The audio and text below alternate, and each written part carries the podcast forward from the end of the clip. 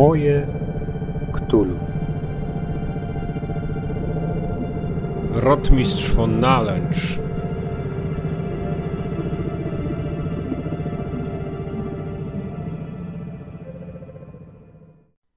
Cześć, jestem Kacper i witam Was w podcaście Moje Ktulu. Moje Ktulu to podcast dla graczy i strażników tajemnic, którzy chcą poszerzyć i pogłębić wymiar nadnaturalnej grozy na swoich sesjach w Zewktulu RPG, w inne gry fabularne korzystające ze światów wyobraźni Howarda Phillipsa Lovecrafta i w opierające się na mitach Cthulhu i twórczości Lovecrafta oraz jego naśladowców gry komputerowe, karciane, planszowe. Cieszę się, że jesteście ze mną po raz kolejny, już po raz trzydziesty. Witam serdecznie wszystkich, którzy słuchają mojego podcastu po raz pierwszy. Witam oczywiście serdecznie również tych, którzy słuchają go po raz enty, nasty, czy może właśnie trzydziesty. W pierwszej kolejności chciałem powiadomić Was o tym, że obecnie mojego podcastu można słuchać już także przez Spotify. Także w miarę tych próśb i mm, e, e, uwag, które od Was otrzymywałem, że tej platformy Wam brakuje, udało mi się to uzupełnić i można teraz już powiedzieć, że e, moje Cthulhu dostępne jest na wszystkich głównych platformach podcastowych, a więc możecie słuchać go zarówno przez iTunes, możecie słuchać go na YouTubie, możecie słuchać go przez Google Podcast, przez Blueberry, Stitchera czy różne tam agregatory podcastowe, ale możecie słuchać również na SoundCloudzie i na Spotify. Mam nadzieję, że to pomoże mi dotrzeć do osób, które mają swoje ulubione platformy i słuchają dużo podcastów i znajdą czas również na mój. E, e, pamiętajcie, że Będę zawsze wdzięczny za wszelkiego rodzaju recenzje i opinie, które na tych platformach możecie wystawiać mojemu podcastowi. Nie tylko będą one dla mnie źródłem informacji o tym, co powinienem zmienić, o czym powinienem nagrywać, o czym e, powinienem nie nagrywać, od jakich tematów stronić, lecz także każda taka recenzja i każda taka opinia poprawia widoczność podcastu na tych platformach, co da szansę innym zapoznania się i wyrobienia sobie własnego zdania. Z góry Wam za to serdecznie dziękuję. Pamiętajcie, że jeśli chodzi o wszelkie nowości, czasami nawet rzeczy, które nie trafiają do audycji, warto śledzić albo profil facebookowy, albo profil twitterowy mojego Ktulu, ponieważ tam na bieżąco staram się wrzucać różne ciekawostki i różne czy e, zdjęcia, filmy, czy newsy związane z ktulowymi światami. Dobiega końca powoli konkurs urodzinowy mojego Ktulu, ogłoszony miesiąc temu. Wydłużyłem czas e, składania prac konkursowych, żeby e, była większa różnorodność, żeby był e, większy wybór. I widzę już, że dobrze zrobiłem, że wydłużyłem go do 31 sierpnia, dlatego że mam już komunikaty od kilku osób, że to im pozwoli jeszcze dosłać pracę mm, na ten konkurs, a jeszcze dwie kolejne wpłynęły, także zachęcam Was, przypominam, że Nagrody w tym konkursie są naprawdę ciekawe i atrakcyjne, ponieważ dla pierwszych pięciu miejsc są to zestawy kości do zewu Cthulhu licencjonowanych kości Q-Workshopu, znakomitej światowej sławie polskiej firmy produkującej kości RPGowe. Piękne zestawy dedykowane poszczególnym bóstwom panteonu świata mitów, poszczególnym wielkim przedwiecznym, mówiąc szczegółowo, ale w puli nagród znajdują się również startery do zewu Cthulhu od wydawnictwa Black Monk, zawierające przygodę Adama Wieczorka wprowadzającą do Masek Nierlatotepa, oryginalną polską przygodę. Mamy również fantastyczne mm, prezenty od mm, Graj Kolektywu. Dostałem niedawno, to są nagrody niespodzianki. E, ja je mm, dopiero za kilka dni, w ostatnich kilku dniach przed zakończeniem tego konkursu zaprezentuję na profilu facebookowym i twitterowym, ale dostałem już listę tych ciekawych nagród od e, Marysi Piątkowskiej, która jest jedną z jurorek tego konkursu. E, dla zwycięzcy pierwszego miejsca przewidziana jest również specjalna nagroda Q-Workshopu, czyli Złoto z Innsmouth. Wspaniałe, bardzo kunsztownie i starannie e, wybite monety które nawiązują do e, pojawiających się w opowiadaniu Widmo nad Innsmouth i we wszystkich związanych z tym przeklętym miastem przekazach informacji o tajemniczym złocie z zaginionych kontynentów i z e, jakiegoś pradawnego Orientu, które znajduje się we władaniu rodziny Marszów i mm, różnych rodzin w Innsmouth, które mają coś wspólnego z istotami z głębin.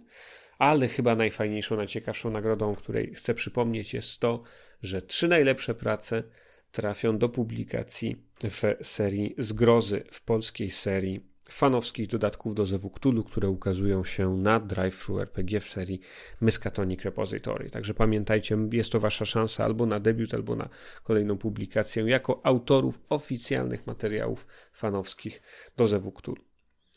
Dzisiejsza audycja jest e, drugim rozdziałem sagi niemieckiej, chciałoby się powiedzieć, dlatego że po nagraniu audycji z doktorem Łukaszem Jasiną, w której pojawiła się recenzja podręcznika The Wicked City Berlin, czyli nowego suplementu Chaosium, który opisuje Berlin epoki Republiki Weimarskiej jako miejsce do rozgrywania przygód w Zewie Cthulhu, zdałem sobie sprawę, że jest jeszcze kilka fajnych wątków, na których można byłoby się skupić. Tych wątków jest jeszcze na niejedną audycję, no ale wreszcie trzeba jakoś te cykle realizować, bo ja często zapowiadam, że będzie nie tam cykl hasturowski, cykl jakiś tam średniowieczny, cykl e, starożytny, a potem musicie dosyć długo czekać na to, żeby się te audycje ukazały. Tym razem postanowiłem trochę się sprężyć i e, w odstępie chyba dwóch czy trzech miesięcy macie już kolejną audycję berlińską.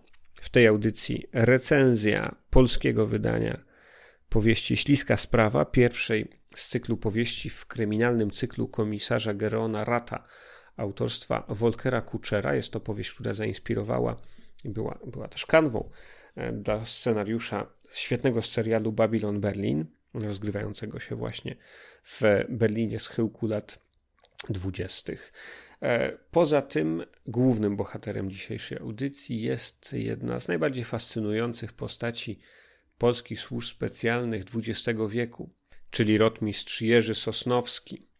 Rotmistrz, później major, oficer e, zarządu drugiego, e, czyli oficer wywiadu wojskowego Rzeczpospolitej Polskiej w okresie międzywojennym, a z wywiadów wspaniały wywiadowca działający w Berlinie, który działał tam jako nielegał, odnosił wspaniałe sukcesy, wreszcie został schwytany przez Niemców, e, osądzony e, o tym wszystkim, o jego powrocie do Polski i o tajemnicy, którą okryty jest jego mm, e, koniec życia, już w czasach II wojny światowej, opowiadam w tej audycji. Poza tym tradycyjnie porcja newsów i wspaniałe fragmenty muzyczne, czyli w wykonaniu Orkiestry Reprezentacyjnej Piechoty Morskiej Stanów Zjednoczonych piękne utwory Ryszarda Straussa, niemieckiego kompozytora, który tworzył mm, również właśnie w okresie e, lat 20., 30., 40., jednego z najwybitniejszych kompozytorów dwudziestowiecznych.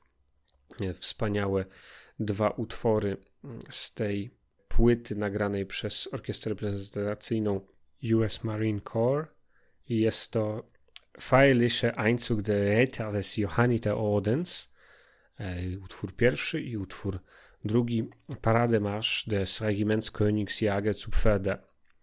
Są to dwa utwory Ryszarda Straussa, które usłyszycie w dzisiejszej audycji.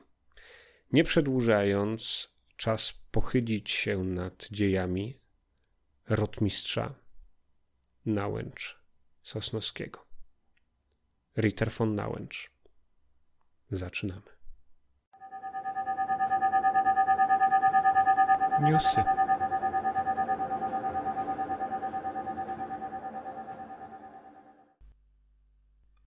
Nie brakuje w tej audycji newsów. Przez ostatnie dwa tygodnie pojawiło się całkiem sporo ciekawych zapowiedzi oraz nowości wydawniczych, o których chciałbym Wam zaraportować. Dla mnie najciekawszą jest oczywiście wiadomość z wydawnictwa Chaosium o tym, że wznawiana jest e, Organized Play, wznawiany jest program w scenariuszy publikowanych i dystrybuowanych e, w programie dla strażników tajemnic Cult of Chaos. Nowa kampania, która nosi tytuł Flotsam and Jetsam. Flotsam and Jetsam, czyli po polsku byśmy powiedzieli no właśnie albo jakieś rupiecie szczątki, albo rozbitkowie życiowi, może jacyś właśnie rozbitkowie. Ciekawe, mm, co to będzie, bo to takie poetyckie i idiomatyczne określenie tego, co się na wodzie unosi. Także pierwszy scenariusz e, tej kampanii ma się ukazać już e, w ciągu najbliższego półtorej miesiąca i potem regularnie będą publikowane kolejne części tej sześcioscenariuszowej kampanii. Dawajcie znać, jeśli macie zamiar gdzieś prowadzić Cult of Chaos Organized Play, jeśli macie zamiar gdzieś prowadzić sesje otwarte dla publiczności, e, gdzie chcecie zaprosić osoby nieznajome czy chcące spróbować swoich przygód z Zewem Cthulhu w tej kampanii. Bardzo chętnie powiadomię i na profilach w mediach społecznościowych i w podcaście o tym, jeżeli jacyś strażnicy tajemnic będą chcieli prowadzić w klubach czy w innych miejscach, gdzie to będzie dostępne dla osób postronnych, kampanią Flotsam and Jetsam e, z tego programu Cult of Chaos.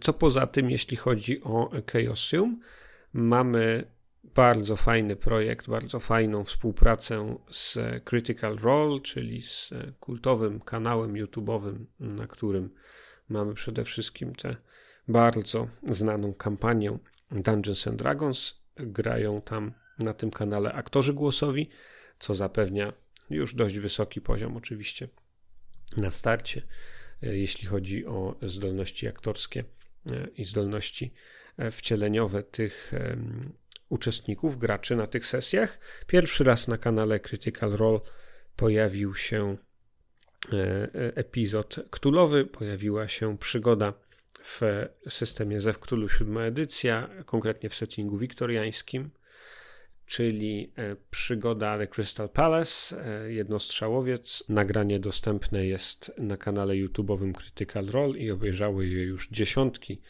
tysięcy widzów, e, co jak sądzę przełoży się bardzo konkretnie dla Chaosium na sprzedaż, bo była to sesja udana, na tyle udana, że już kilka dni po jej nagraniu na GenConie tegorocznym pojawili się cosplayerzy przebrani za postacie z tego scenariusza. Muszę powiedzieć, że to jest niesamowita zdolność reagowania, niesamowite tempo, e, ale to już świadczy po prostu tyle o tym, że to było dobre spotkanie, dobra przygoda na kanale Critical Role, e, ile o tym, że po prostu ten kanał ma niesamowitą siłę rażenia i do popularyzacji RPG przyczynia się w tej chwili jak mało co. Co tymczasem, jeśli chodzi o e, nowości z Black Monk, mamy kolejne informacje i kolejne udostępnione robocze PDFy z publikacjami, których spodziewamy się jesienią.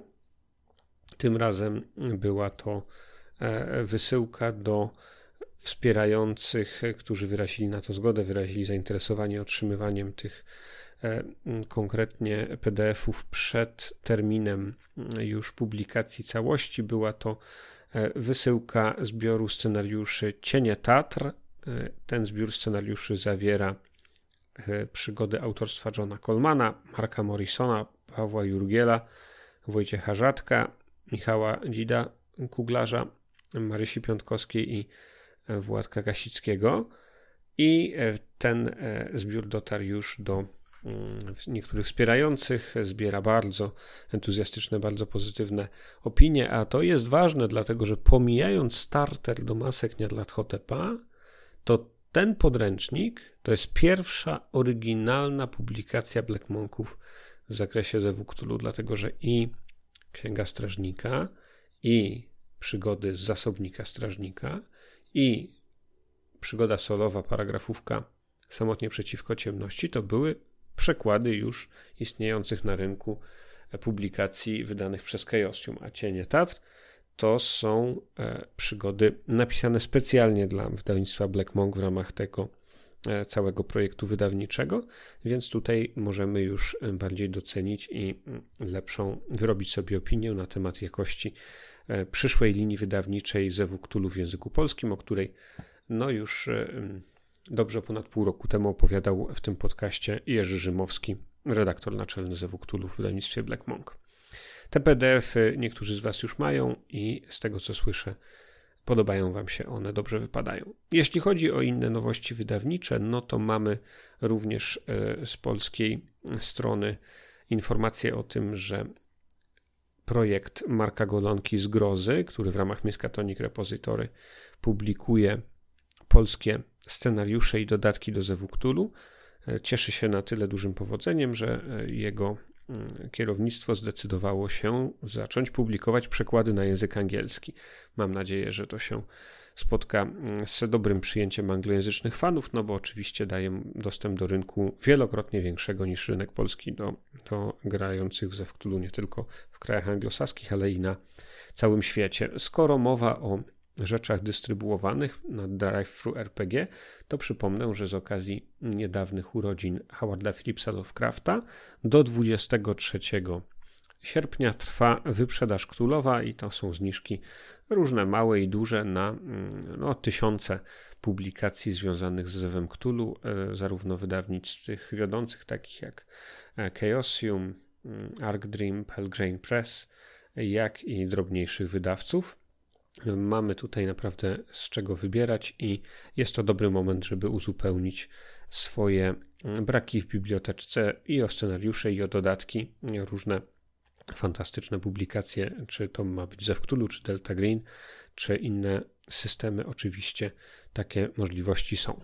Na Drive RPG pojawia się cały czas całkiem sporo różnych nowości ktulowych. Ja odkryłem niedawno ciekawą linię LARP Lab. Jest to linia na dobrą sprawę takich trochę rekwizytów, handoutów, ale e, też można powiedzieć po prostu mm, wydawnic, które są reprintami jakichś starych atlasów, starych e, śpiewników, starych książek i ksiąg, które mogą służyć jako rekwizyty na larpach, ale mogą się przydać również jako handouty na waszych sesjach.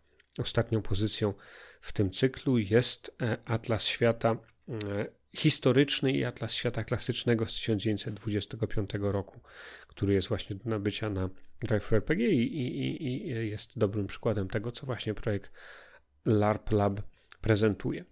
Co tymczasem w Miskatonic Repository, bo o tym zawsze warto wspomnieć. No, mamy tutaj znowu kilka tytułów, e, sześć nowości przez ostatnie dwa tygodnie do zupełnie różnych settingów, do zupełnie różnych epok historycznych.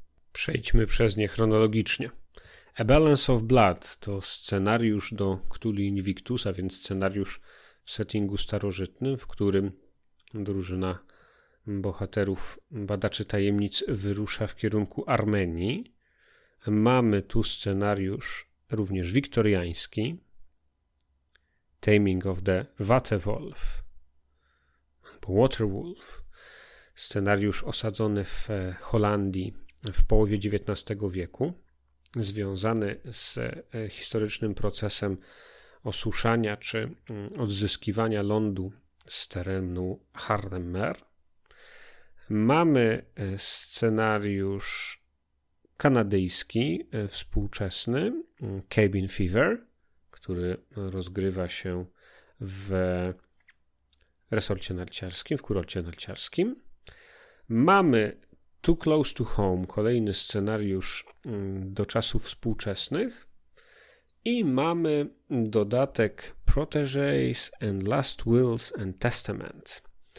Jest to dodatek, mm, suplement, który ma wzbogacić możliwość mechanicznego przekazywania wiedzy i doświadczenia pomiędzy kolejnymi pokoleniami, by tak rzec, badaczy tajemnic, którymi gracie. Biorąc pod uwagę, że śmiertelność i, i też no po prostu e, potencjał eliminacji badaczy tajemnic z uwagi na utratę poczytalności jest w tej grze dość wysoki, to autor tego dodatku proponuje pewien mechanizm właśnie przekazywania wiedzy o mitach i doświadczenia, tak żeby można było jednocześnie i grać postaciami, które są powiedziałbym, no jakoś tam e, funkcjonujące i, i sprawne, to znaczy nie mają poczytalności na poziomie, który sprawia, że, że, że najmniejsza utrata jej e, kończy się długotrwałym albo w ogóle trwałym obłędem, e, a z drugiej strony, żeby były to postacie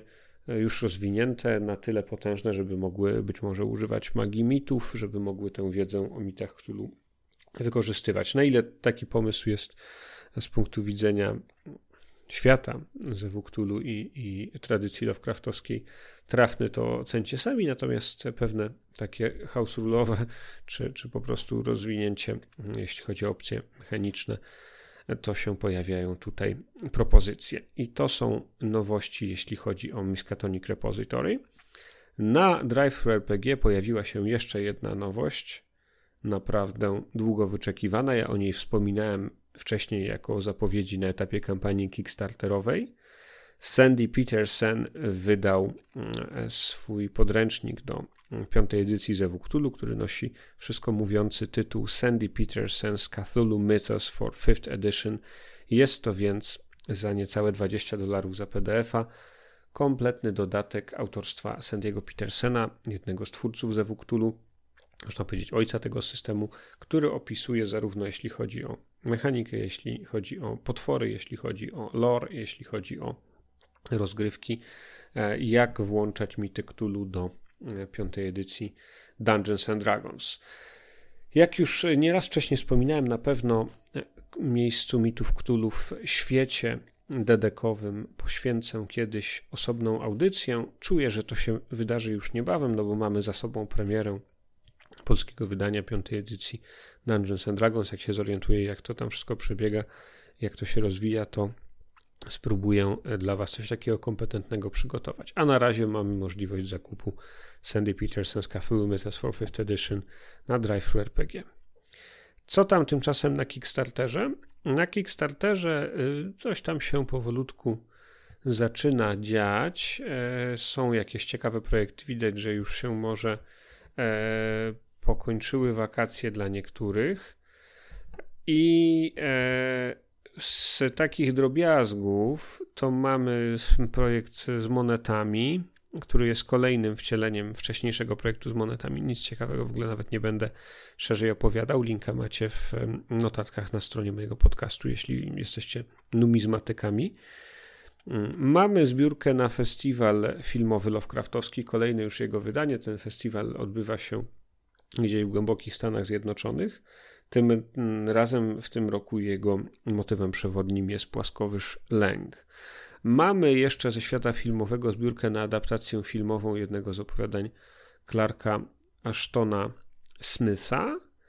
I mamy jeszcze jeden projekt filmowy, For We Are Many, zbiórka na mm, e, film e, w klimacie gotycko-lovecraftowskim, która jest zbiórką w zasadzie uzupełniającą do, do wcześniej w tym roku przeprowadzonej zbiórki właśnie na film For We Are Many. I takie mamy mm, ciekawostki obecnie na Kickstarterze, a nie mogę zapomnieć o tym, co jest chyba najbardziej fascynujące i najbardziej kuszące, ale nie tanie. The Miskatonic Papers. To jest y, projekt, na który trwa obecnie zbiórka na Kickstarterze, y, prowadzony przez wydawnictwo Bomb Angel. Bomb Angel to jest w zasadzie projekt y, jakiegoś gościa, który ma starą maszynę drukarską Heidelberg. Do tego jeszcze, czyli taką maszynę właśnie linotypową. Do tego odlewa jeszcze jakieś czcionki własne, specjalne. I przy pomocy tej starej prasy drukarskiej, czy maszyny drukarskiej, publikuje różnego rodzaju artbooki, projekty. Obecnie zbiera na Kickstarterze na projekt The Miskatonic Papers. Jest to w opisie autora rodzaj takiego artbooka, który składa się nie z albumu czy, czy z jakiejś zwartej mm, formy wydawniczej, tylko jest zbiorem różnego rodzaju źródeł, handoutów, notatek, e, ilustracji, telegramów, e, e, jakichś protokołów czy, czy innych form, wszystkich odbitych właśnie, wykonanych i odbitych na tej jego maszynie drukarskiej, które w całości składają się na Lovecraftowską historię, na historię ekspedycji Uniwersytetu Miskatonic, tym razem nie ekspedycji na Antarktydę, tylko ekspedycji z 1907 roku, która wyrusza śladem upadłego na Syberii meteorytu tunguskiego, aby wyjaśnić jego pochodzenie i spotyka się tam oczywiście z koszmarami nie z tego świata.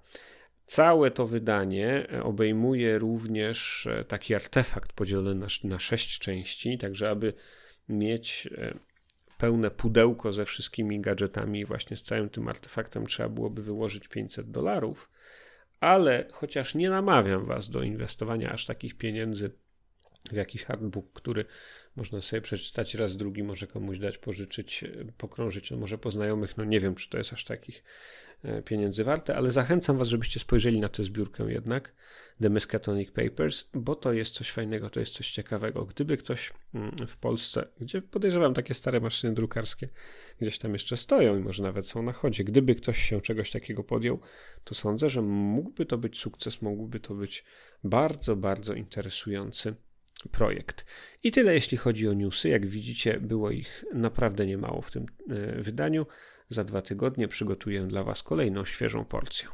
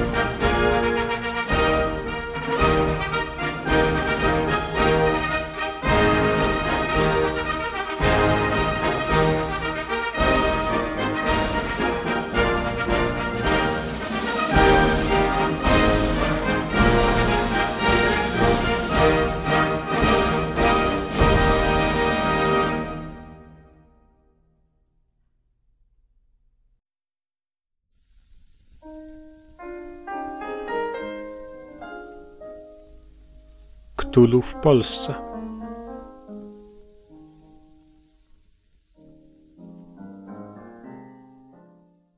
Bywają w historii takie postacie, które budzą zainteresowanie i swoim bohaterstwem, i swoimi sukcesami, ale też pewnego rodzaju podatnością na stanie się ofiarą ironii losu, ironii historii i swoim tragicznym wymiarem, który z tego wynika. Jedną z takich postaci niewątpliwie jest e, major Jerzy Sosnowski, oficer polskiego wywiadu, o którym inny as wywiadu, Marian Zacharski, powiedział: Jerzy von Nauen-Sosnowski jest według mnie ofiarą pychy i małości, zazdrości i zawiści, niekompetencji i często złych chęci, a zapłacił straszną cenę za przywary kilku polityków i niektórych ze swoich szefów.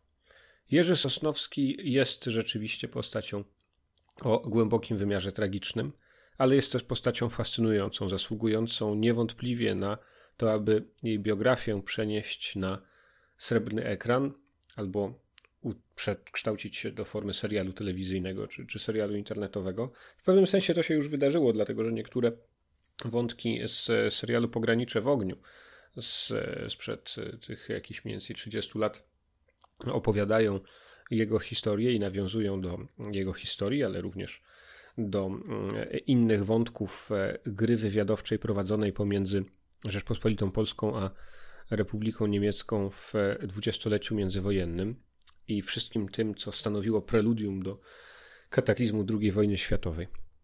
E, poza tym historię Sosnowskiego sfilmowały wytwórnie amerykańskie i niemieckie wiele lat temu, ponieważ jest to prawdziwy przykład oficera wywiadu, którym można powiedzieć jest trochę takim Jamesem Bondem. Co prawda pierwowzorem dla Jamesa Bonda, a Jana Fleminga była inna postać polskiego wywiadu, Krystyna Skarbek, bohaterka II wojny światowej, ale Jerzy Sosnowski, kiedy poznacie jego biografię, myślę, będzie wam się już mm, odtąd dobrze kojarzył właśnie z agentem 007, ze względu na dezynwolturę swego działania, ze względu na światowy szlif prowadzonych przez siebie operacji, ze względu na skuteczność, co bardzo ważne, ale też ze względu na bogate mm, i e, owocne relacje z kobietami, które były Sosnowskiego specjalnością. Jerzy Ksawery Franciszek Sosnowski był oficerem kawalerii, wpierw e, służącym w armii austriackiej w czasach I wojny światowej, następnie e, wykształcił się w, właśnie w szeregach armii austro-węgierskiej na lotnika, na pilota myśliwskiego, aczkolwiek tego akurat nowego, mm, tej nowej specjalności bojowo nie sprawdził, a po I wojnie światowej już jako oficer Wojska Polskiego był bohaterem wojny polsko-bolszewickiej, gdzie to jako dowodzący szwadronem karabinów maszynowych i, i e, oficer kawalerii wsławił się przede wszystkim swoimi zasługami w polu pod Maniewiczami, pod Beresteczkiem, pod Dżekrwiną, gdzie dowodził nieraz swojej odwagi, rzucał się na czele swojego mm, oddziału. Czasem również przejmował dowodzenie w sytuacji, w której e, oddział tracił dowódcę. Rzucał się mm, naprzód e, do bezpośredniej konfrontacji, do szarży, do ataku przeciwko e, rosyjskim jeźdźcom rosyjskiej kawalerii właśnie w czasie wojny polsko-bolszewickiej po zdobyciu Beresteczka wpadł do miasta jako pierwszy mm, w konnym szyku, był oficerem kawalerii, któremu nie brakowało tego, co kawalerzyście jest potrzebne, a więc e, fantazji, a więc odwagi, a więc e, właśnie zdolności przywódczych. Miał też e, oczywiście wielkie inne atuty, które miały dać znać o sobie nieco później w jego kolejnym życiu. Jako ułan oczywiście był znakomitym jeźdźcem, natomiast nawet na tle swoich kolegów oczywiście tu się też wyróżniał. Był reprezentantem Polski na wielu międzynarodowych wyścigach konnych i w Paryżu i, i w Berlinie. Trenował również w grupie olimpijskiej w Grudziądzu i tak do 22 mm, roku, do 22-24 roku rozwijała się jego kariera wojskowa, kiedy to końcem 24 roku został przeniesiony w stan nieczynny, w stan spoczynku jako ułan ale szykowała się już jego druga, jego kolejna kariera.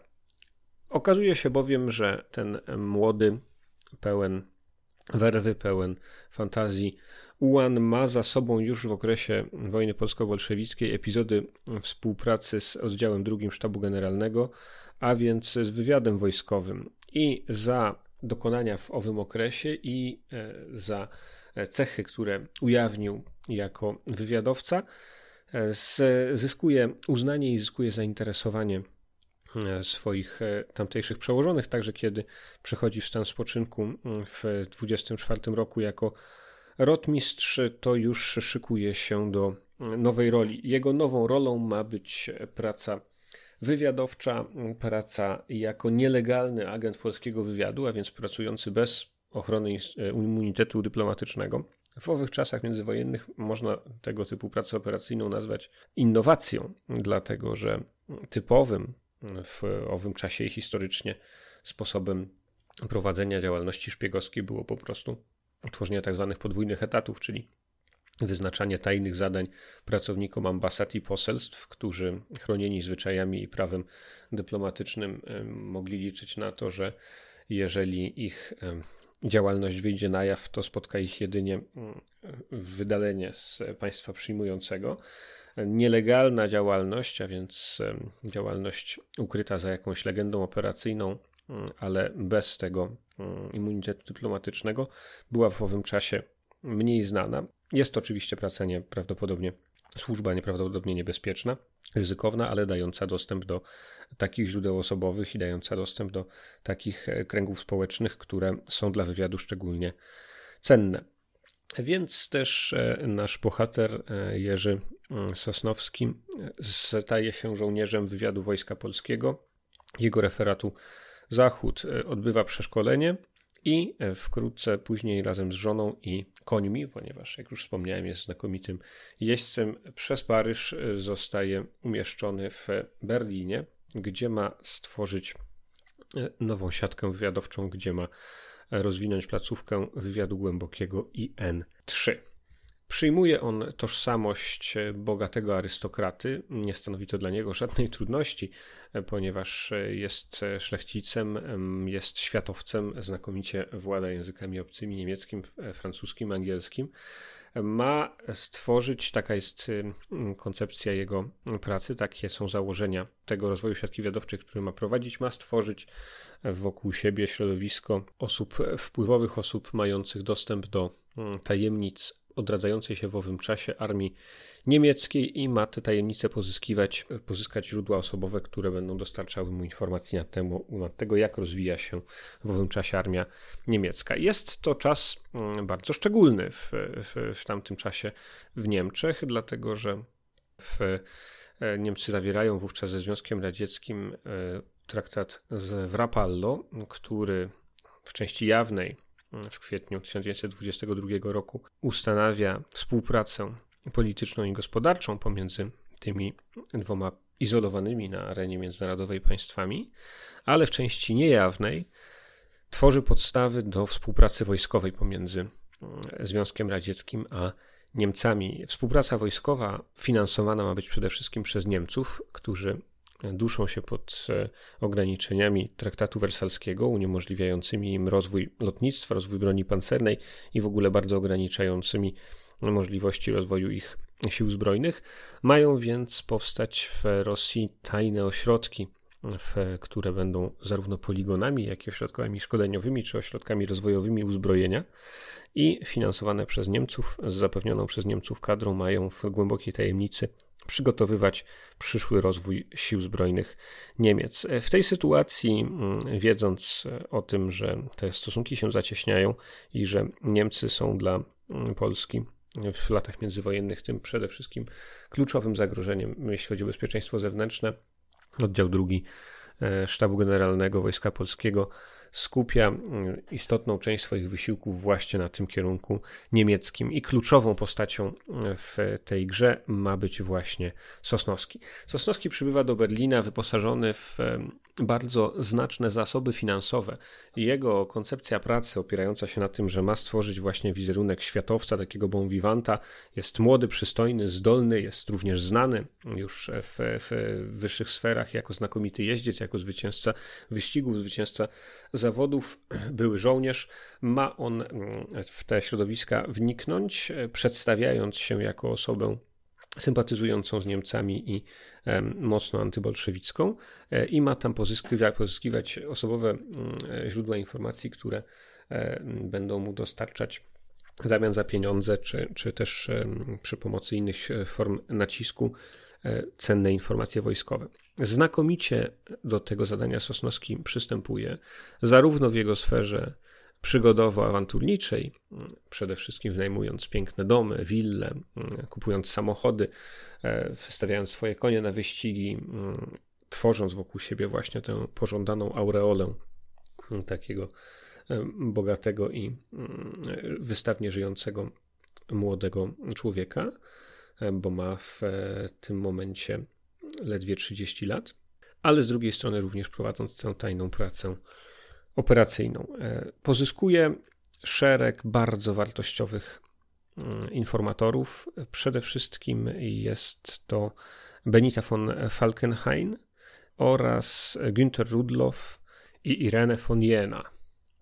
Nie jest to przypadkiem, że dwie panie, które wymieniłem, mają przed swoim nazwiskiem tę partykułę von. Są to typowe przedstawicielki nowej subklasy, nowego środowiska społecznego, które się w e, Berlinie Weimarskim tamtej epoki rozwija.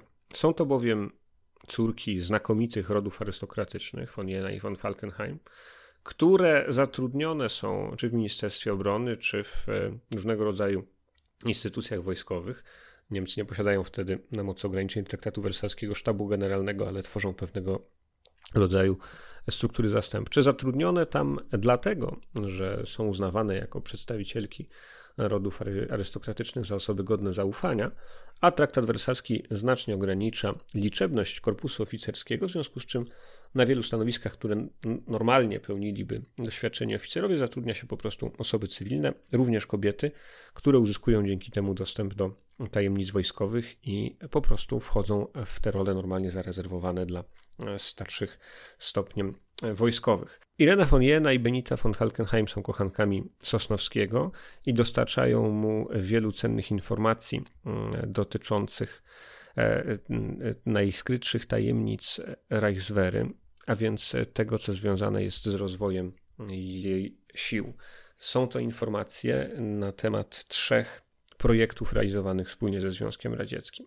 Jest to w pierwszej kolejności ośrodek lotniczy w Lipiecku, w drugiej kolejności poligon wojsk pancernych w okolicach Kazania i po trzecie również e, tajny ośrodek rozwijający bojowe środki trujące, poligon do badań nad gazami bojowymi. Te trzy obszary, w których Niemcy nie mogą oficjalnie prowadzić ani badań, ani rozwijać swoich sił zbrojnych na mocy tajnych porozumień z Rosjanami i za ogromną cenę wypłacaną w, w pieniądzu e, z, powstają w Związku Radzieckim i tam z niemieckim personelem w e, skrytości w głębokiej tajemnicy są rozwijane. To jest wątek, który może być Wam już znany, jeśli oglądaliście serial Babylon Berlin, ponieważ tam mamy do czynienia z wątkiem politycznym, w którym to właśnie jeden z bohaterów, czyli E, e, radca Benda mm, zleca głównemu bohaterowi, komisarzowi Gereonowi Ratowi, wyprawę kontrwywiadowczą, e, do Związku Radzieckiego, wyprawę lotniczą, w trakcie którego na potrzeby policji politycznej ma pozyskać dowody na to, że taka tajna działalność jest prowadzona przez niemiecką armię, ponieważ są to tajemnice tak głębokie, że również wielu wysoko postawionych dygnitarzy Republiki Weimarskiej nawet nie wie o tym, że te projekty są prowadzone.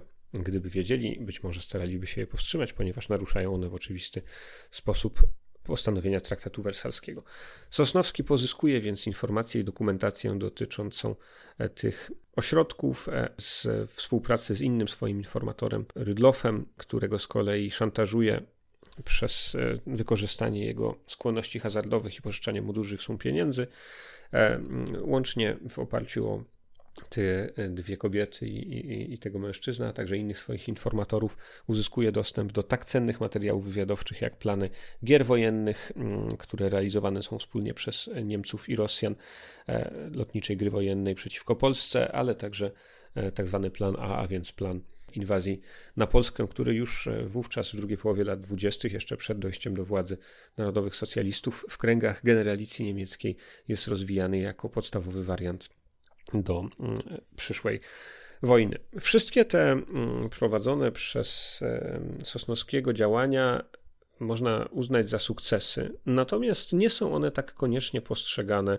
w Warszawie, gdzie mm, są jego przełożeni, do których on raportuje. Z różnych względów e, zarówno politycznych, jak i ze względów e, związanych z sukcesami i porażkami polskiego wywiadu w owym okresie, jak i również ze względu na pewną niechęć czy, czy zazdrość wobec Sosnowskiego, który żyje, w, jak bon vivant w Berlinie, wydając kolosalne sumy na swoje utrzymanie, na utrzymanie swoich informatorów, e, to na pewno mogło budzić zazdrość żyjących skromnie jego kolegów z oddziału drugiego sztabu generalnego.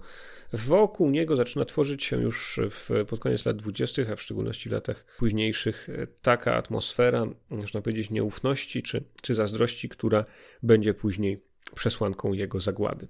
Co się bowiem dzieje? Rydlow jako oficer wywiadu niemieckiego w, chcąc e, rozwijać swoją współpracę z Sosnowskim, wciąga go na listę swoich agentów, ponieważ kontrwywiad oczywiście działa aktywnie i interesuje się poczynaniami Sosnowskiego w Berlinie, to żeby umożliwić mu pracę, jeden z jego właśnie informatorów, jeden z jego, z jego tajnych współpracowników, Rydlow, który sam jest agentem oficerem wywiadu niemieckiego, wciąga go na, formalnie na listę swoich podopiecznych, tak żeby zapewnić mu ochronę. Więc Sosnowski nie jest podwójnym agentem, ale w e, papierach niemieckich jako taki figuruje. Później ta rejestracja ma się na nim bardzo negatywnie zemścić e, po powrocie do Polski. Nawet pomimo tego pętla dookoła Sosnowskiego się zacieśnia. Na pewno jednym z czynników, które przyczyniają się do jego kłopotów w relacjach z Niemcami jest e, demaskacja siatki wywiadowczej polskiej w Niemczech. Tak czy inaczej, e, Sosnowski, ukrywający się pod dwiema tożsamościami, tożsamością brytyjskiego milionera Gravesa i mm, e, tożsamością właśnie Rittera mm, Georga von Nauen-Sosnowskiego, nieuchronnie sytuuje się w obszarze zainteresowań niemieckiego kontrwywiadu i w 1933 roku mm, Sosnowski wie, że jego dni w Berlinie są już policzone. Planował ucieczkę z Niemiec, chciał jednak e, odegrać ostatni akord swojej misji, organizując w lutym 1933 roku wystawny bal, podczas którego e, opuści on dyskretnie towarzystwo i ucieknie z Berlina przy pomocy polskiego wywiadu, przekroczy granicę do Polski. Niestety Gestapo okazało się szybsze i właśnie przy okazji tego jego pożegnalnego balu aresztuje Sosnowskiego wraz z jego gośćmi. Wielka część jego znajomych, jego, jego przyjaciół, którzy goszczą na tym przyjęciu, trafia na ławę oskarżonych i nie bez powodu, ponieważ są to po prostu jego współpracownicy, którzy dostarczali mu tajne informacje. Proces odbywa się dosyć szybko i kara, która spotyka jego współpracowników, jest bezwzględnie surowa. Panie von Jena i von Falkenheim skazane zostają na karę śmierci przez ścięcie toporem, a karę tę wykonuje się na dziedzińcu więzienia Moabit w obecności samego Sosnowskiego, tak żeby widział, jaki los zgotował swoim współpracownicom. Rydlow trafia na dożywotnie więzienie, Sosnowski również jest uwięziony i dopiero po ponad roku przebywania w, więzieniu niemieckim zostaje z tego więzienia wyciągnięty i wymieniony za więźniów politycznych i agentów e, niemieckiego wywiadu z Polski. Kiedy wreszcie udaje się go wyciągnąć e, z więzienia, niestety w Polsce nie doczekał się nagrody. W międzyczasie, zanim on trafia do Polski, umiera marszałek Józef Piłsudski, który był jego wielkim fanem i, i, wspierał jego misję w Niemczech, doceniając jej wyniki i wartość materiałów pozyskiwanych przez niego dla E, polskiej armii i dla polskiej dyplomacji. Ale niestety Sosnowski e, straci już po śmierci Piłsudskiego swoich e, wysoko postawionych protektorów. Kiedy przyjeżdża do Polski, to trafia mm, wprost do aresztu w mieszkaniu przygotowanym mu w sztabie generalnym i w tym areszcie domowym musi stawić czoła oskarżeniom o trwonienie publicznych pieniędzy, o mm, e, marnowanie czy naciąganie wręcz e, wywiadu na mm, wydatki związane ze swoimi wystawnym trybem życia. Mm, również oskarżany jest o to, że w niektórych przypadkach sprzeniewierzył budżety, którymi miał opłacać swoich informatorów. E, ale co gorsza, do tych zarzutów e, dochodzą, jak się potem okazuje, niesłuszne, niesprawiedliwe oskarżenia o współpracę z Abwerą. Sosnowski zostaje koniec końców po długim śledztwie, które niczego nie przynosi. Zwróćcie uwagę, on kilka lat wręcz spędza właśnie w areszcie domowym, potem w areszcie śledczym. Nigdy po powrocie do Polski z Niemiec nie wychodzi na, na wolność i aż do 1 września 1939 roku toczą się jego kolejne e, e, etapy śledztwa, które praktycznie nic nie przynoszą, ale jest e, nakaz polityczny i jest swego rodzaju zemsta czy słabość charakteru jego przełożonych, którzy zamiast poszukiwać obiektywnej prawdy na temat tego, jaki jest bilans jego misji w Niemczech i jaka była jego prawdziwa rola, starają się go mm, pognębić i po prostu mm, ukarać za mm, winy, których nie popełnił. Koniec końców Sosnowski zostaje zdegradowany i skazany przez polski sąd na 15 lat więzienia. Kiedy wybucha II wojna światowa, Sosnowski już jako skazany po mm, przegranym procesie, w którym nie miał żadnej możliwości bronić się, ponieważ nie miał żadnych materiałów, nie miał dostępu praktycznie do niczego, przybył e, w, w ubraniu z Niemiec i, i do żadnych ani kartotek, ani dokumentów nie miał przez cały czas od powrotu do Polski dostępu. Jest w owym czasie więźniem, jest z Warszawy ewakuowany mm, w trakcie oblężenia Warszawy. Tutaj mm, zrobię zaraz pewną dodatkową uwagę pod koniec tej sekcji. I e, co się z nim potem dzieje? Na ten temat jest kilka hipotez. Jedna hipoteza mówi, że Zostaje on po prostu przez swoich konwojentów rozstrzelany gdzieś na wschodzie Polski, żeby nie dostał się w ręce Niemców ani Rosjan. Inna hipoteza mówi, że zostaje postrzelony, ale odratowany przez miejscową ludność, inna z kolei, że ucieka i wiele wskazuje na to, że nie ginie on jednak we wrześniu 1939 roku, ale trafia do niewoli rosyjskiej i tam znów e, nie ma co do tego jasności. Jest wiele źródeł, które są e, sprzeczne, czy mm, umiera w toku śledztwa albo w więzieniu w Saratowie, czy przechodzi na stronę Związku Radzieckiego i aby zemścić się na mm, tej e, ojczyźnie, która go tak brutalnie i niewdzięcznie potraktowała i tak bardzo mm, e, zmieszała z błotem cały jego dorobek, a jego rzuciła na kolana i, i, i poniżyła, mm, przechodzi na stronę e, Rosjan, żeby z nimi współpracować. Tego nie wiemy. Bardzo różne, bardzo ciekawe źródła, zarówno z, z, z NKWD, jak i z archiwów wojskowych rosyjskich, jak i od różnych świadków tamtych lat i tamtych zdarzeń, którzy mówią, że Sosnowskiego spotkali, czy to w więzieniu, czy, czy w innych okolicznościach, dają rozbieżne historie, rozbieżne scenariusze tego, jaki był jego koniec. Wiadomo jednak, że Sosnowski mm, umiera w toku II wojny światowej gdzieś właśnie tam w Rosji i e, nigdy nie doczekał się formalnej rehabilitacji. Sosnowski to postać fascynująca, bardzo ciekawa ze względu na ten koloryt i przygodowy charakter jego misji w Niemczech. On sam zresztą w śledztwie w Polsce e, nie ukrywał tego, że to, co przyciągnęło go do pracy w wywiadzie, to była lojalność wobec e, służby, miłość ojczyzny, ale również awanturniczy i mm, przygodowy charakter pracy szpiegowskiej, która wydawała mu się dużo bardziej atrakcyjna niż po prostu e, codzienna praca i życie rodzinne, które mm, byłoby jego udziałem w Polsce, gdyby po prostu pozostał w kraju i znalazł sobie jakieś inne zajęcie jako był oficer. Więc ten wątek przygodowy oczywiście zachęca do tego, żeby tę postać wykorzystać w waszych przygodach w Zewie. Jest kilka ciekawych pomysłów. No dla mnie przede wszystkim Sosnowski jest e, postacią e, jednym z elementów ewakuacji Warszawy w 1939 roku. Tajemnice, które związane są z tym, jak on Warszawę opuścił jako właśnie e, więzień konwojowany zapewne przez uzbrojoną straż i jakoś tam się do tej Rosji przedostał, to jest bardzo interesujące. Pewien wątek, pewne nawiązanie do tego znajdziecie w e, moim scenariuszu, w mojej przygodzie o e, oblężeniu Warszawy w 1939 roku do, do Zewuktul, do siódmej edycji, która ukaże się zimą, e, ale to nie jest jedyny mm, ciekawy wątek, a wręcz powiedziałbym, że jeden z takich bardziej niszowych, ponieważ przede wszystkim Sosnowski jest wspaniałym bohaterem niezależnym do waszych kampanii rozgrywających się w Berlinie epoki weimarskiej. Pamiętacie, że rozmawialiśmy w tamtej audycji poświęconej Berlinowi o tym, jaką rolę odgrywa podziemie okultystyczne, parapsychologia, różnego rodzaju e, sekty i e, e, ruchy magiczne w Berlinie tamtej epoki.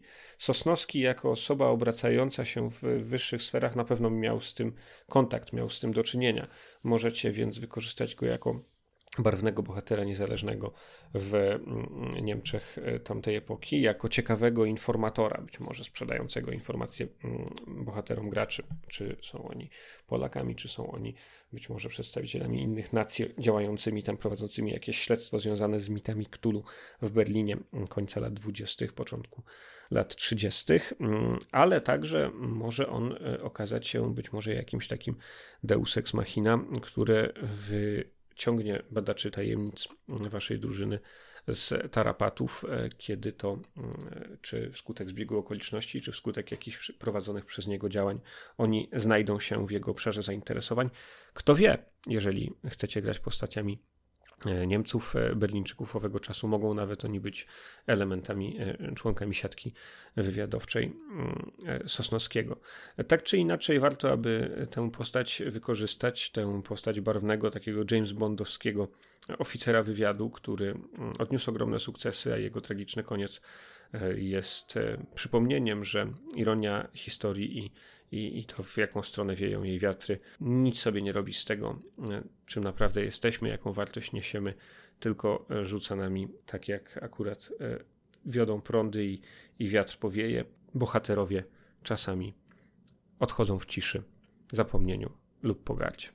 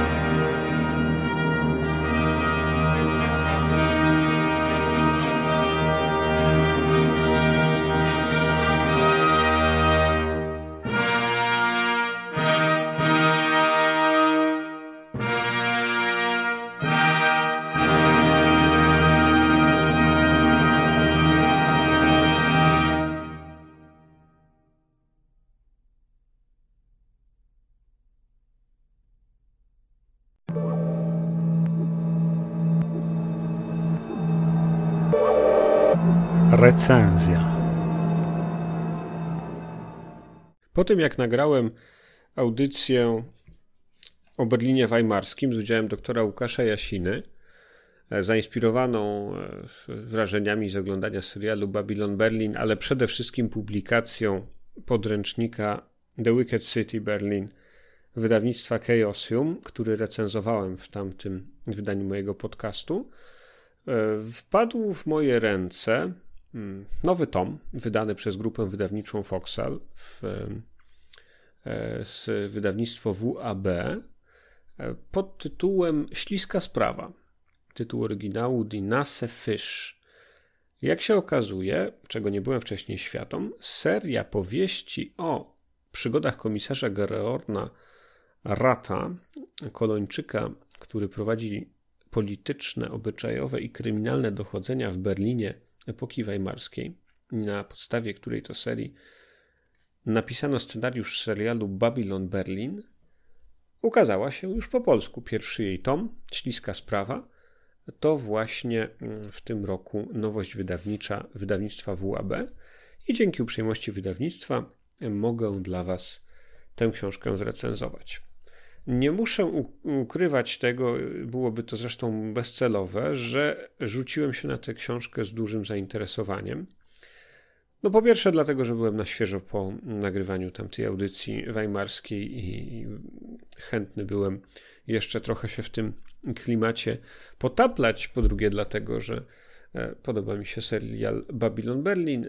Skończyłem pierwszy sezon, może niedługo spróbuję obejrzeć drugi, ale też i dlatego, że dawno nie czytałem jakiegoś kryminału, zwłaszcza takiego historycznego. Muszę się przyznać, z ręką na sercu, że na przykład nie czytałem powieści Krajewskiego, chociaż one się cieszą wspaniałą sławą i na pewno w końcu po nie sięgnę, choćby na potrzeby tego podcastu, powieści Krajewskiego o Wrocławiu. A do tego podszedłem więc, e, można powiedzieć, na, na czysto neutralnie, bo ja w ogóle kryminałów za dużo nigdy nie czytałem i nie czytam, także z chęcią e, się w ten tom ponad 500 stronicowy, blisko 600 stronicowy wgryzłem. I jakie są różnice pomiędzy serialem, który może być Wam już znany, a tą powieścią? One mają, jeśli chodzi o fabułę, są tutaj pewne, widać, że były pewne zmiany na etapie pisania scenariusza do serialu, ale powiem szczerze, że chociaż tam jest parę takich akcentów dodanych, właśnie politycznych, wątek e, współpracy jednego z e, bohaterów e, tej powieści z podziem, podziemiem czy z podziemnymi organizacjami został przeredagowany, bo w oryginale chodzi tutaj po prostu o SA i NSDAP, a w, w, w serialu mamy raczej współpracę właśnie nie z nazistami per se, tylko z tak zwaną czarną Reichswehrą, czyli ze spiskiem e, generalicji i oficerów e, Wehrmachtu, którzy po mm, I wojnie światowej nie mogą pogodzić się z upokorzeniem, którego doznały niemieckie siły zbrojne i potajemnie je odbudowują. E, to, to jest jedna z różnic. Jest tych różnic jeszcze kilka, ale ogólnie muszę powiedzieć, że może właśnie nawet oryginał, przez to, że pozbawiony jest jakichś takich ekstrawagancji politycznych i mniej wpisany w, w te wątki ówczesnej epoki, to jest e, równie ciekawy i, i niczego mu nie brakuje. E, natomiast oczywiście ten wątek e, czarnej Rajswery jest bardzo ważny, dlatego że on się odnosi do bohatera dzisiejszej audycji, czyli do e, rozmistrza, a później majora Jerzego Sosnowskiego, który właśnie te wątki śledził i na potrzeby polskiego wywiadu odkrywał i demaskował tajne projekty Niemców w Związku Radzieckim. Wracając do książki Wolkera Kuczera. E, jeśli chodzi o tempo, jeśli chodzi o złożoność tej fabuły, jeśli chodzi o czytelność, zdecydowanie zasługuje na polecenie. E, jeśli chodzi o mm, e, ten cały sztafaż historyczny i scenografię, którą stanowi Berlin lat 20. czy 30. dla tej powieści, jest ona moim zdaniem odmalowana bardzo dobrze, a mm, przypisy dodane tu i ówdzie, mm, nie wiemy czy przez tłumacza, czy przez redaktora mm, wyjaśniają pewne niuanse e, historyczno-faktograficzne, które pomagają już tę powieść konsumować w sposób zupełnie mm, komfortowy. Nie ma tutaj, nie wymaga ona jakiejś specjalnej erudycji, nie wymaga znajomości historii e, Niemiec jakiejś dogłębnej, żeby e, dobrze się bawić to czytając i dobrze to zrozumieć. Oczywiście wszystkie wątki, o których mówiliśmy z e, doktorem Jasiną w audycji o Berlinie Weimarskim, w tej powieści również się pojawiają. A więc wątki etniczne, Polacy, Ormianie, Niemcy, konkurujące ze sobą gangi etniczne właśnie gdzieś tutaj w podziemiu przestępczym Berlina.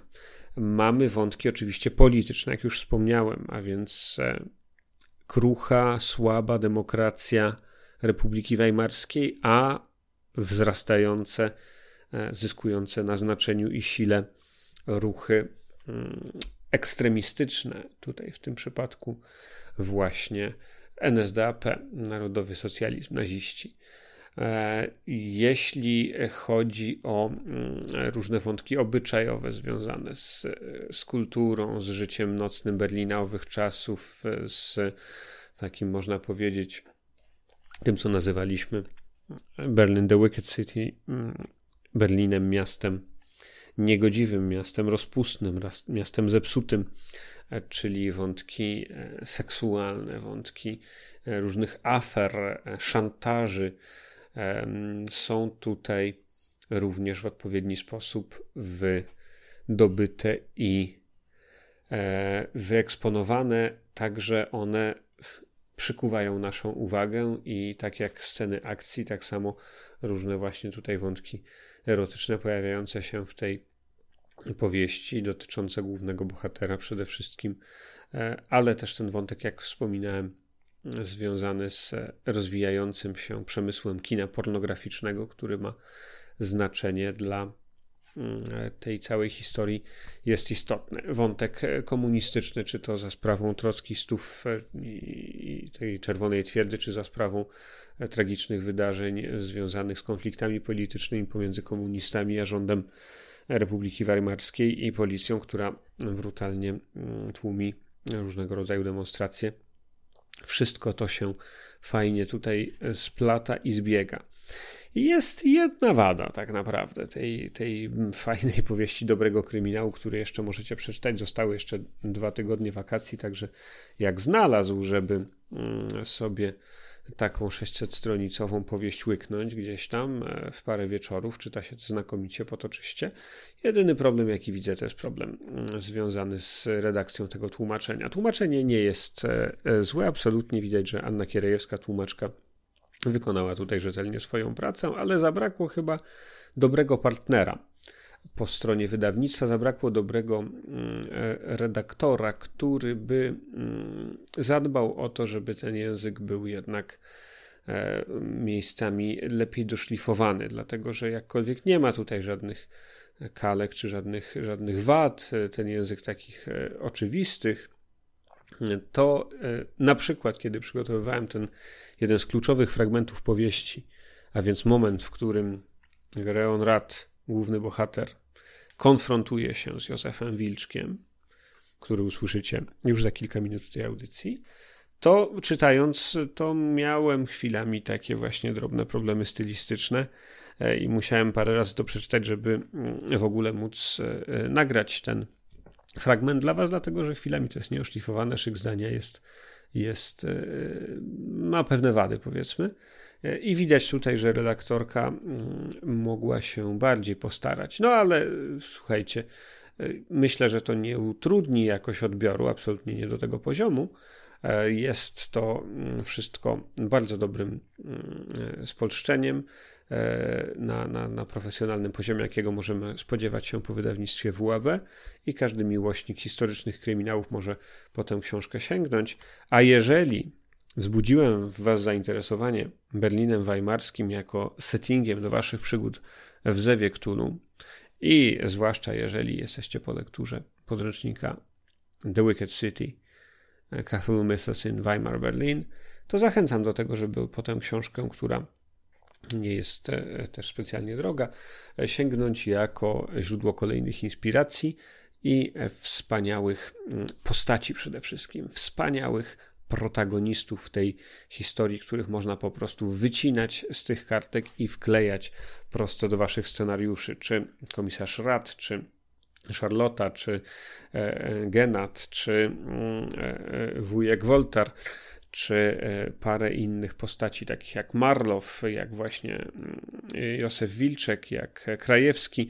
To są wszystko mm, postacie bardzo ładnie zarysowane, wyraziste. Jest to niewątpliwą zaletą prozy Volkera Kuczera, że on umiał w tych postaciach połączyć zarówno taki potencjał psychologiczny, który pozwala nam się nimi zainteresować, jakoś być może utożsamić z tym sztafarzem historycznym, który sprawia, że postacie te żyją e, i wydają się wiarygodne na kartach tej postaci i tworzą w sumie ciekawy splot ludzki, węzeł zbrodni, w którym e, komisarz Gereon Rat musi rozwikłać zagadki, ale też uważać, aby ta bomba nie wybuchła mu w twarz. Zachęcam do lektury śliskiej sprawy, zachęcam do mm, oczekiwania na kolejne tomy, które wydawnictwo WAB mm, mamy nadzieję będzie publikować, no i oczywiście do oglądania serialu Babylon Berlin.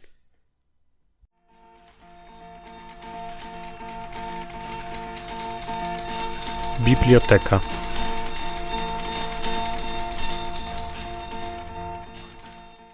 Folke Kutscher Śliska sprawa.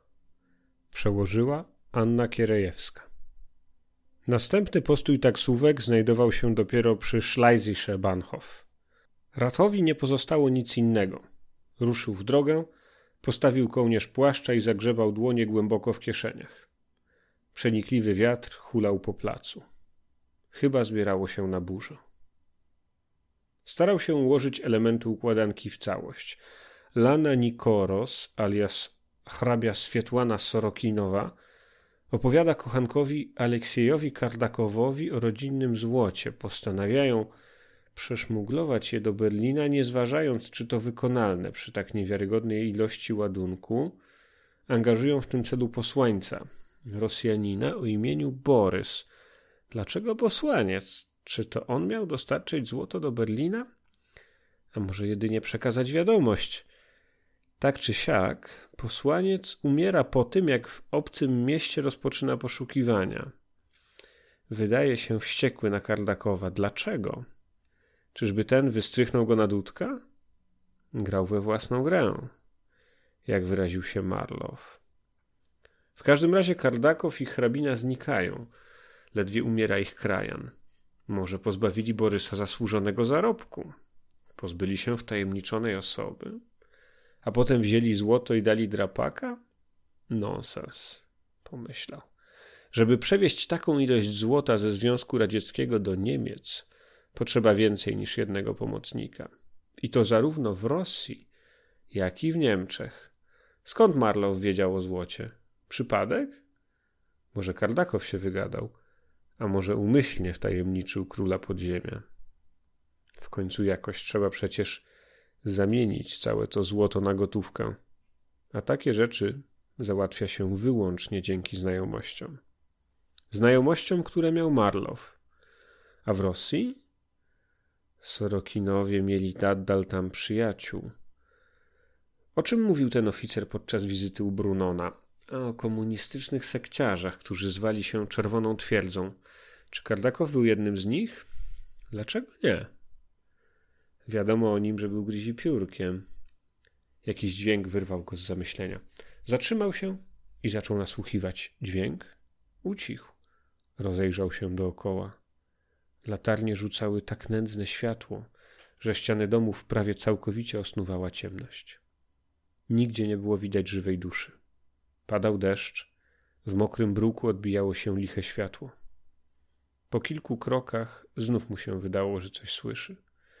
Brzmiało to jak echo jego kroków. Nie musiał się zatrzymywać, by mieć pewność, że ktoś go śledził.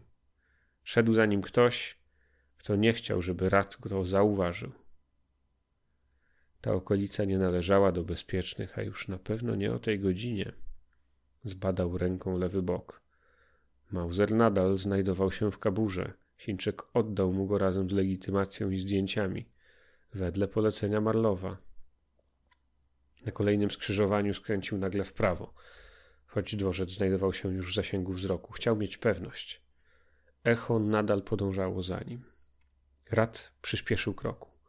Nagle zatrzymał się i odwrócił. Nadal nie było nikogo widać. Fasady domów osnuwał jednak tak głęboki mrok, że wystarczyło iść w miarę blisko murów, żeby pozostać niezauważonym.